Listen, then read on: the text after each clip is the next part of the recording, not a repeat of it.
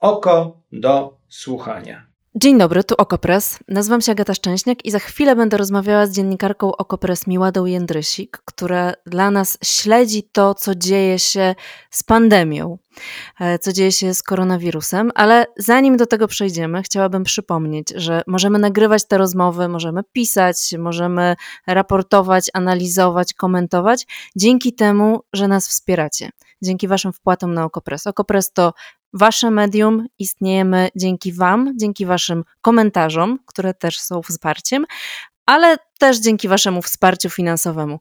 E, bardzo za nie dziękujemy i bardzo prosimy o jeszcze. A teraz rozmowa. E, cześć Miłada. Cześć. E, słuchaj, rozmawiamy w dniu, kiedy to jest czwartek 1 października, kiedy no, mamy absolutny rekord nowych zakażeń koronawirusem. 1967 e, przypadków e, wykrytych, odnotowanych przez Ministerstwo Zdrowia. No i jak to jest? Czy rzeczywiście mamy powrót pandemii? Czy sytuacja jest bardzo zła? Czy jest dramatyczna? No y, tak, tak, mamy powrót pandemii i, y, i tych y, rekordów. Obawiam się, że zobaczymy jeszcze parę. Mam nadzieję, że jak najmniej. Ale właśnie teraz sobie tak wszystko podsumowałam, co się, co się działo w, ostatnim, w ostatnich dniach, a zwłaszcza dzisiaj, kiedy mamy ten naprawdę bardzo duży rekord, bo to jest 1967 przypadków, to jest ponad 400 od poprzedniego rekordu, więc, więc bardzo dużo.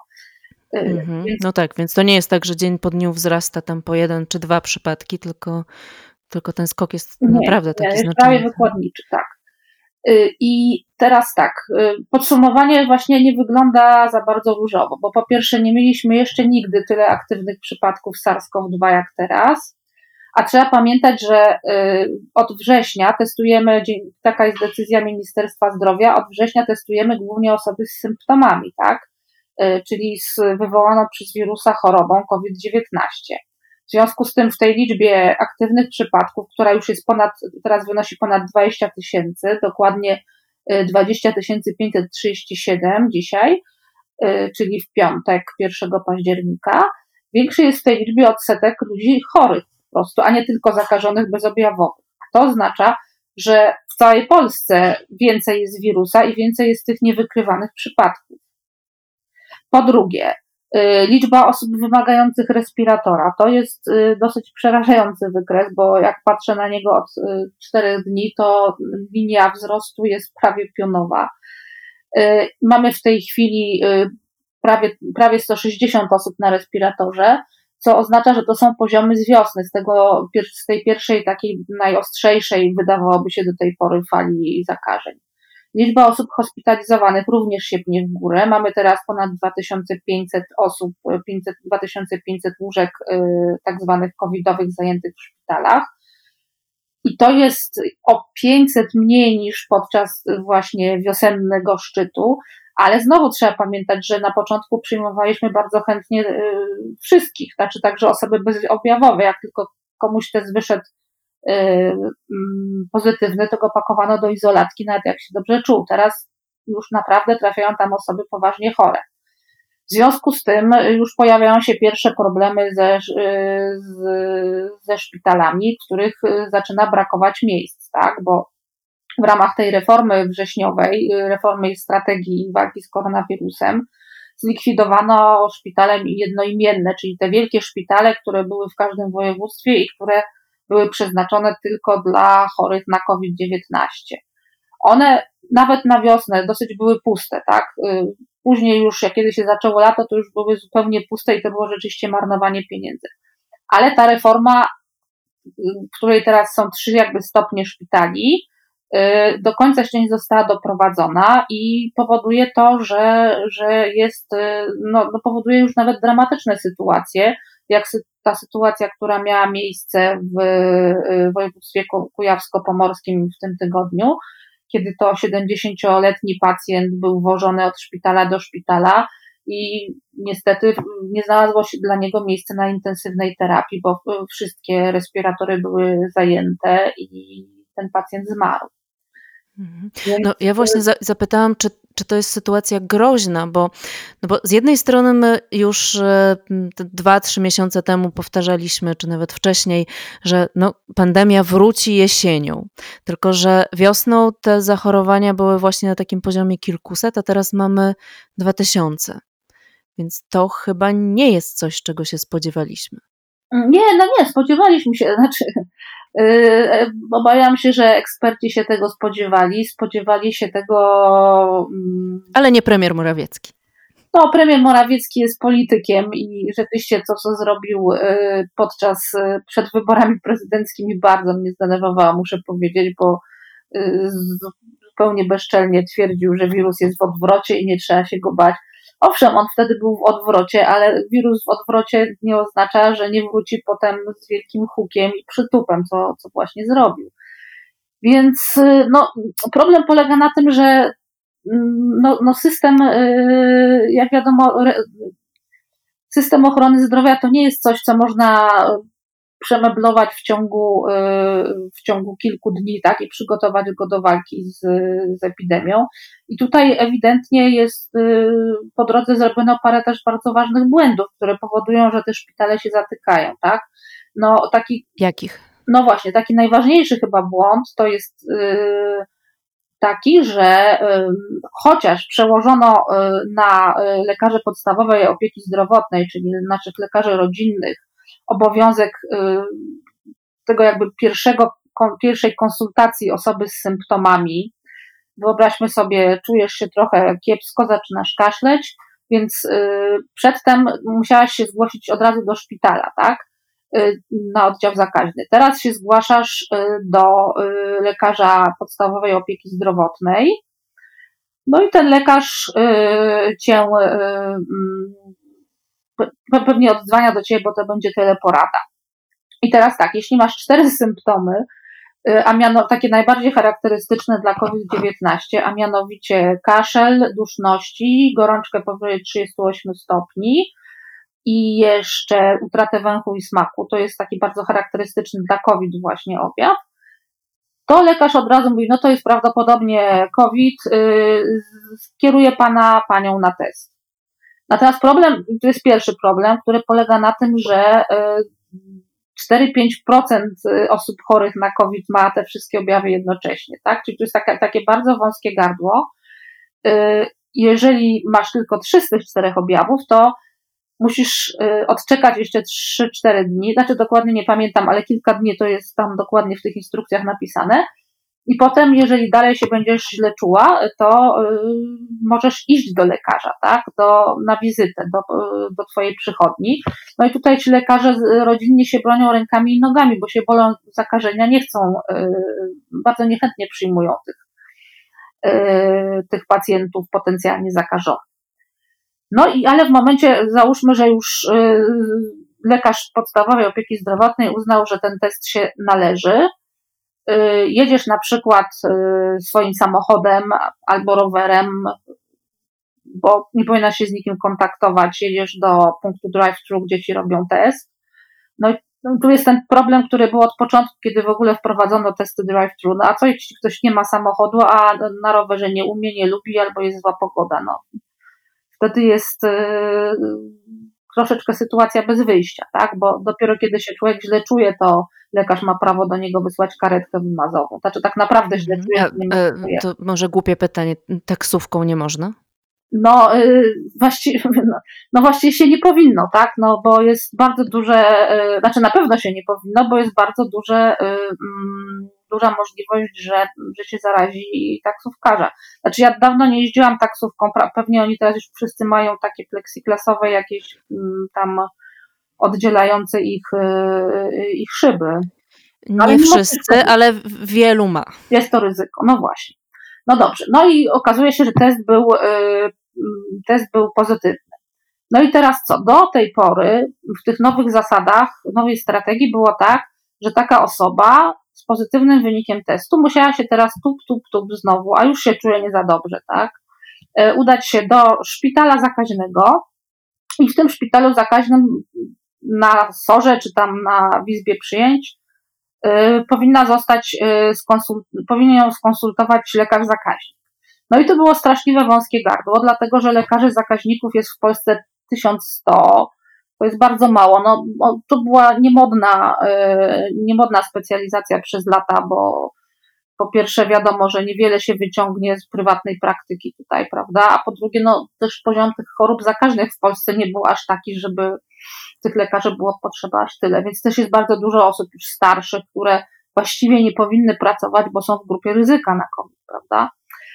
Y, więc lekarze zakaźnicy się bardzo skarżyli, bo większość czasu, które powinni też poświęcać na opiekę nad chorymi, hospitalizowanymi, y, na przykład y, musieli przeznaczać na odsyłanie ludzi, którzy mimo, że trochę tam kaszlą, a poza tym się czują bardzo dobrze i spokojnie mogą spędzić chorobę w domu. No, oni musieli chorzy musieli się odstać, lekarze musieli ich przyjąć tam w tym szpitalu. To bardzo dużo zajmowało czasu. To na szczęście już zostało, mm, y, ta zasada została zlikwidowana. Y, najpierw y, ministerstwo poszło do. Na, na szczęście reaguje szybko. No, troszkę szkoda, że od początku czegoś nie pomyślano, że tu będzie taki problem. Więc teraz lekarz podstawowej opieki, kiedy jest test pozytywny, to lekarz podstawowej opieki zdrowotnej może skierować chorego na izolację, tak? Jeżeli test wyszedł ci pozytywny, to tam trochę kaszlesz, ale generalnie trochę ci tam, e, no, no słaba jesteś, ale no nie, nie czujesz się tak źle, żeby, żeby, żeby pędzić do szpitala, no to lekarz po prostu ci mówi, proszę siedzieć w domu, dużo pić, e, wiadomo, mm, odpoczywać i zadzwonię do pani za 8 dni i zobaczymy, jak pani się czuje. A dzisiaj nawet ministerstwo poszło jeszcze dalej. Teraz widziałam Twitter Ministerstwa Zdrowia. Minister Niedzielski ogłosił, że praktycznie każdy lekarz będzie mógł e, skierować chorego na izolację, więc bardzo dobrze. To jest tutaj jakby jedno wąskie gardło zostanie, zostanie zlikwidowane.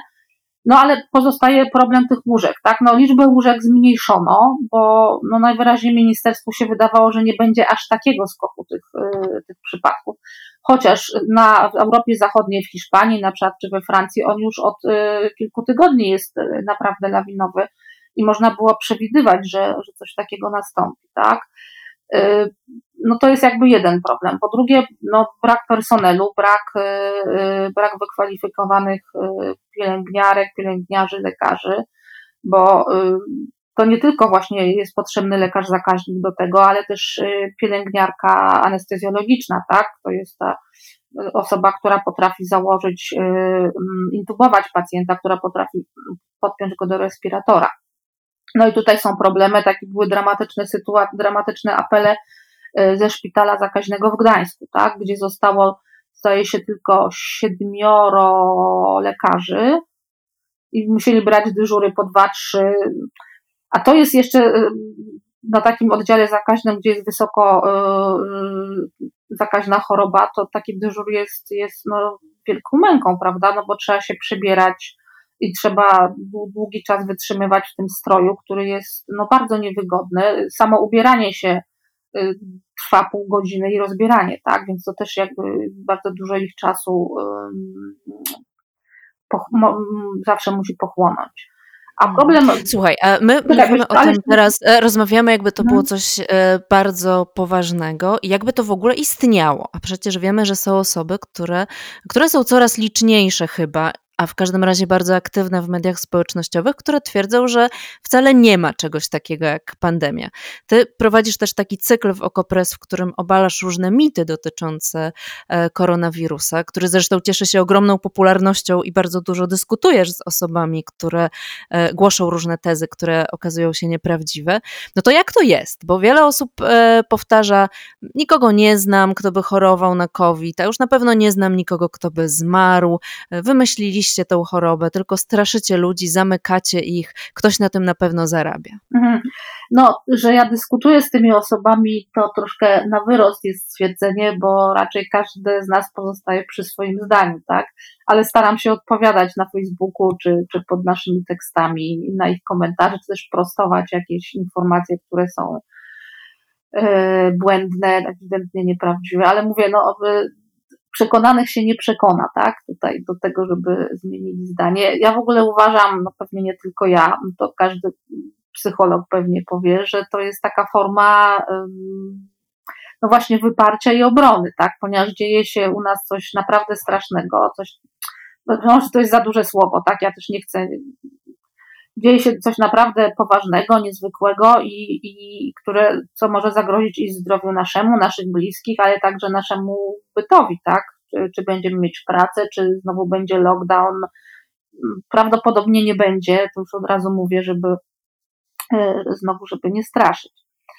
I stąd taka wielka popularność tych wszystkich teorii, że pandemii nie ma. Ja patrzę tylko z, z, ze zdziwieniem, jak lekarze z tytułami potrafią też e, takie, mm, takie poglądy głosić. E, na przykład jest taka pani doktor pulmonolożka, z, pani profesor pulmonolożka z, e, z, z Banacha, która twierdzi, czyli ze szpitala Kliniki Uniwersyteckiej w Warszawie, i ona właściwie ma takie poglądy jak, jak inni covidowi denialiści, którzy nie mają zbyt wielkiej wiedzy o, o medycynie i o wirusach. I na przykład ona podtrzymuje tą tezę, że tak naprawdę to w Polsce dopiero 300 osób umarło y, na, y, na koronawirusa, a reszta to umarła, bo ma, miała choroby współistniejące. No to jest prawda. I jak na to odpowiedzieć? Co, jak na to odpowiedzieć? No mm, wiesz, jak no, ty odpowiadasz? COVID-19, no podobnie jak grypa, tak? No atakuje, no jest to choroba, która atakuje najbardziej słabych. Y, no nie każda grypa, bo hiszpanka akurat atakowała młodych, zdrowych mężczyzn najbardziej, naj, najczęściej. Ale grypa atakuje tych, którzy mają osłabiony system immunologiczny, tych, których mają inne choroby, tak?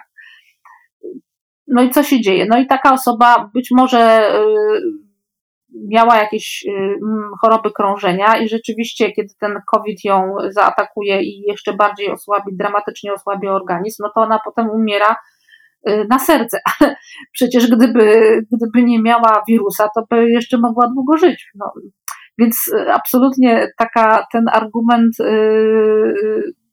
jest taki bardzo, nawet logicznie jest on dosyć wątły, ale no... Mhm. No właśnie, grypa. Powiedziałaś o grypie, bo wiele osób też mówi, no ten COVID to jest po prostu taka grypa, czym tutaj się przejmować? No, COVID jest, y, no, nawet trudno odróżnić COVID od grypy, ponieważ takich bardzo swoistych dla COVID-u y, symptomów y, właściwie oprócz tej utraty węchu i słuchu to nie ma, tak? Znaczy lekarze teraz lekarze podstawowej opieki zdrowotnej, zdrowotnej, kiedy się bronili przed tym, żeby przejąć pacjentów z objawami, to podkreślali, że y, klinicznie nie sposób tego podczas badania takiego w gabinecie rozpoznać, że tak naprawdę decydujący jest test. Ale no właśnie jest też popularna taka teoria, że, że, że grypa jest równie groźna jak COVID, a się nią nie przejmujemy, tak? No bo być może nawet na grypę umiera na całym świecie 650 y, tysięcy osób rocznie. To jest taka estymacja, nikt tego oczywiście nie policzył, tak? To jest y, model matematyczny, w którym to zostało wyliczone. Być może tak jest, ale pamiętajmy, że na COVID-19 już zmarło milion y, ludzi prawdopodobnie o wiele więcej, bo też nie wszystkie, zwłaszcza w biedniejszych krajach, nie wszystkie przypadki są wychwytywane i są umieszczane w statystykach. To może być 2 miliony ludzi już, a jesteśmy, dopiero się zaczęła jesień, tak? Y, a gry, grypa w tym okresie jesienno-zimowym najbardziej atakuje i jest bardzo możliwe, że i COVID, no zresztą widzimy to już, tak, bo, bo, bo, właśnie ruszył, że, że on teraz równie mocno zaatakuje. No ale także z, z badań wynika, że ten śmiertelność grypy jest nawet 10 razy mniejsza niż, e, niż, niż COVID-19. Mhm. To, to jeszcze to ostatnie już pytanie, bo mówisz, z badań wynika, z, wiemy z badań. Czy te badania na pewno są? To pytanie troszeczkę mnie zaskoczyło. Co to znaczy, czy to ma być. No tak, bo, bo też są osoby, które twierdzą, no właśnie to jest taki wymysł publicystów, komentatorów, polityków, biznesmenów, a przecież nauka nic na ten temat nie mówi. Y, wiesz co, ja mi się wydaje, że oni mówią trochę inaczej, że są badania, ale to są złe badania, tak? To są. O, to też, tak. To są badania, które, za które zapłaciły koncerny farmaceutyczne, no bo jest też takie przekonanie, że Oczywiście to utrzymywanie tej fałszywej pandemii to jest po to, żeby koncerny farmaceutyczne mogły sobie zapłacić, y, zarobić na szczepionce. Co ja zawsze powtarzam, ale po co rozwalać gospodarkę całego świata, doprowadzać do wielkiej recesji, do bezrobocia? Y, przecież na tym koncerny farmaceutyczne stracą, bo. Y, no jak to? Wygrają te, które tą szczepionkę stworzą, a że no, wszyscy inni stracą, też, to tam co ich obchodzi? Sprzedawały przedtem inne leki, sprzedawały witaminy, sprzedawały no, mnóstwo rzeczy, na których y, mogły zarabiać, kiedy ludzie mieli pieniądze. Teraz ludzie nie będą mieli pieniędzy, nie będą, yy, nie będą tego kupować.